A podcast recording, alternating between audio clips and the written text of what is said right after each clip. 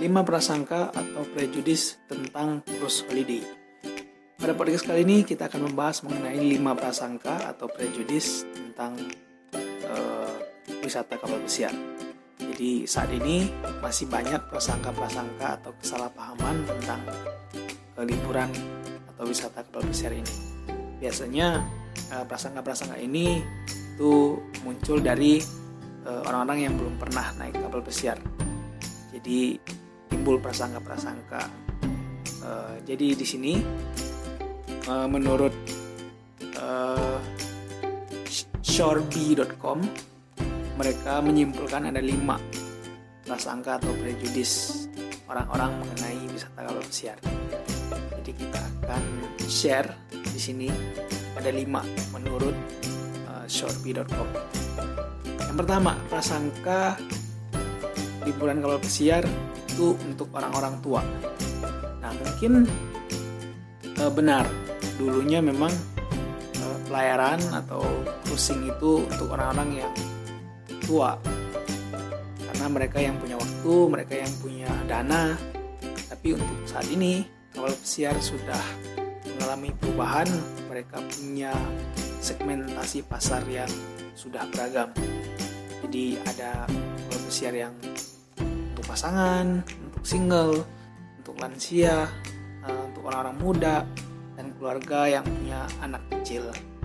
Jadi fasilitas-fasilitas di kapal pun menyesuaikan dengan uh, target pasar mereka masing-masing. Jadi fasilitas seperti uh, penitipan anak, fasilitas seperti permainan untuk orang dewasa dan untuk anak. Jadi untuk saat ini setiap kurs itu punya fasilitas-fasilitas yang diperuntukkan untuk semua age, semua umur. Jadi itu yang prasangka pertama yang uh, menurut orang-orang kalau kurs itu untuk orang tua, tapi sekarang sudah berubah. Jadi itu yang pertama. Yang kedua, prasangka berikutnya itu krus yang membosankan. Jadi beberapa minggu di kapal terkunci di kamar atau di cabin jadi e, memang nggak sepenuhnya benar karena ketika kita naik kapal kan kita ada city tour. Kapal kita berhenti di satu tempat jadi kita e, bisa turun bisa nikmatin city tour di situ. Dan juga di atas kapal banyak fasilitas-fasilitas seperti kolam renang seperti gym seperti e, restoran dan juga activity outdoornya untuk beberapa kapal yang punya gitu seperti Royal Caribbean ada Costa ada Princess ada. Jadi masing-masing mereka punya fasilitas-fasilitas di atas kapal. Jadi nggak mungkin selama lamanya di kamar. Sih kita bisa keluar kita bisa nyantai kita bisa minum koktail di uh, pool nyantai bisa uh, melakukan aktivitas, aktivitas seperti olahraga.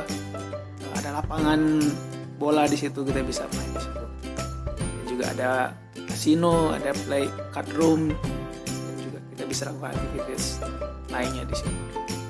Itu yang kedua. Yang ketiga uh, prejudice berikutnya adalah cruise itu untuk kaum elit. Jadi mereka uh, harus pakai teksudo harus pakai dress gitu. Jadi prejudice yang meng yang mengatakan bahwa cruise itu untuk kaum elit ini Mungkin dulunya seperti itu, tapi saat ini cruise sudah uh, banyak banget perubahan. Ada beberapa cruise yang menganut sistem freestyle cruising seperti Norwegian. Mereka nggak punya entitled baju yang harus uh, pakai sudo atau gala gala. Mereka nggak perlu. Jadi free, uh, freestyle cruising. Jadi bajunya sangat-sangat santai di situ. Jadi ini yang sudah berubah uh, banyak line yang juga menganut sistem ini freestyle. Jadi pakaiannya uh, nggak diatur-atur seperti apa. Tapi mungkin ada beberapa yang masih uh, diatur seperti Princess. Princess ada formal night. Biasanya untuk tujuh malam tujuh malam sailing mereka punya formal night. Jadi ya pakaiannya harus rapi, harus semuanya harus bagus lah pakai pantofel, sepatu pakai celana bahan. Uh, semuanya pokoknya harus rapi lah. Tapi itu pun paling cuma satu apa dua malam. Itu kalau kapal princess. Hmm, ya itu. Kalau yang mengenai prejudice untuk kaum kaum elit. Yang keempat uh, prejudice berikutnya adalah kita bakal menghabiskan sepanjang hari di lautan. Nah yang nomor empat ini kurang lebih sama seperti nomor dua. Prejudice ini uh, memang nggak sepenuhnya uh, salah ya karena memang kapal kita kan memang di laut. Jadi um, memang banyak kelihatannya memang banyak di laut tapi beberapa beberapa kapal mereka sudah buat itinerary itu seimbang antara kita di laut dan juga kita di darat jadi biasanya kalau seandainya kapal sailingnya malam atau jalannya malam itu kita pastinya di laut. Tapi setiap paginya kita pasti bakal bangun di destinasi-destinasi berikutnya kota-kota berikutnya. Jadi kita uh, dari pagi sampai sore kita lakukan city tour kita explore tempat-tempat di mana kapal itu singgah. Jadi seperti itu. Jadi kita nggak sepenuhnya di laut. Paling di laut ketika kita tidur aja malam aja tapi paginya kita ada city tour berhenti di satu tempat jadi seperti itu nomor 5 uh, eh, prejudice berikutnya adalah kalau kapal pesiar itu mahal. Nah, pada podcast sebelumnya kita udah bahas mengenai all inclusive. Jadi kapal pesiar itu sudah all in. Dapat semuanya, kita dapat. Makan, minum dan semuanya fasilitas. Jadi prejudis mengenai kapal pesiar mahal ini uh, bisa dibilang sepenuhnya salah. Karena kita udah nggak perlu bayar uh, transportasi dari kota satu ke kota lainnya. Kita nggak perlu bayar makan lagi kita nggak perlu bayar minum lagi dan kita nggak perlu bayar fasilitas lagi. Kita semuanya bisa gunakan itu secara free.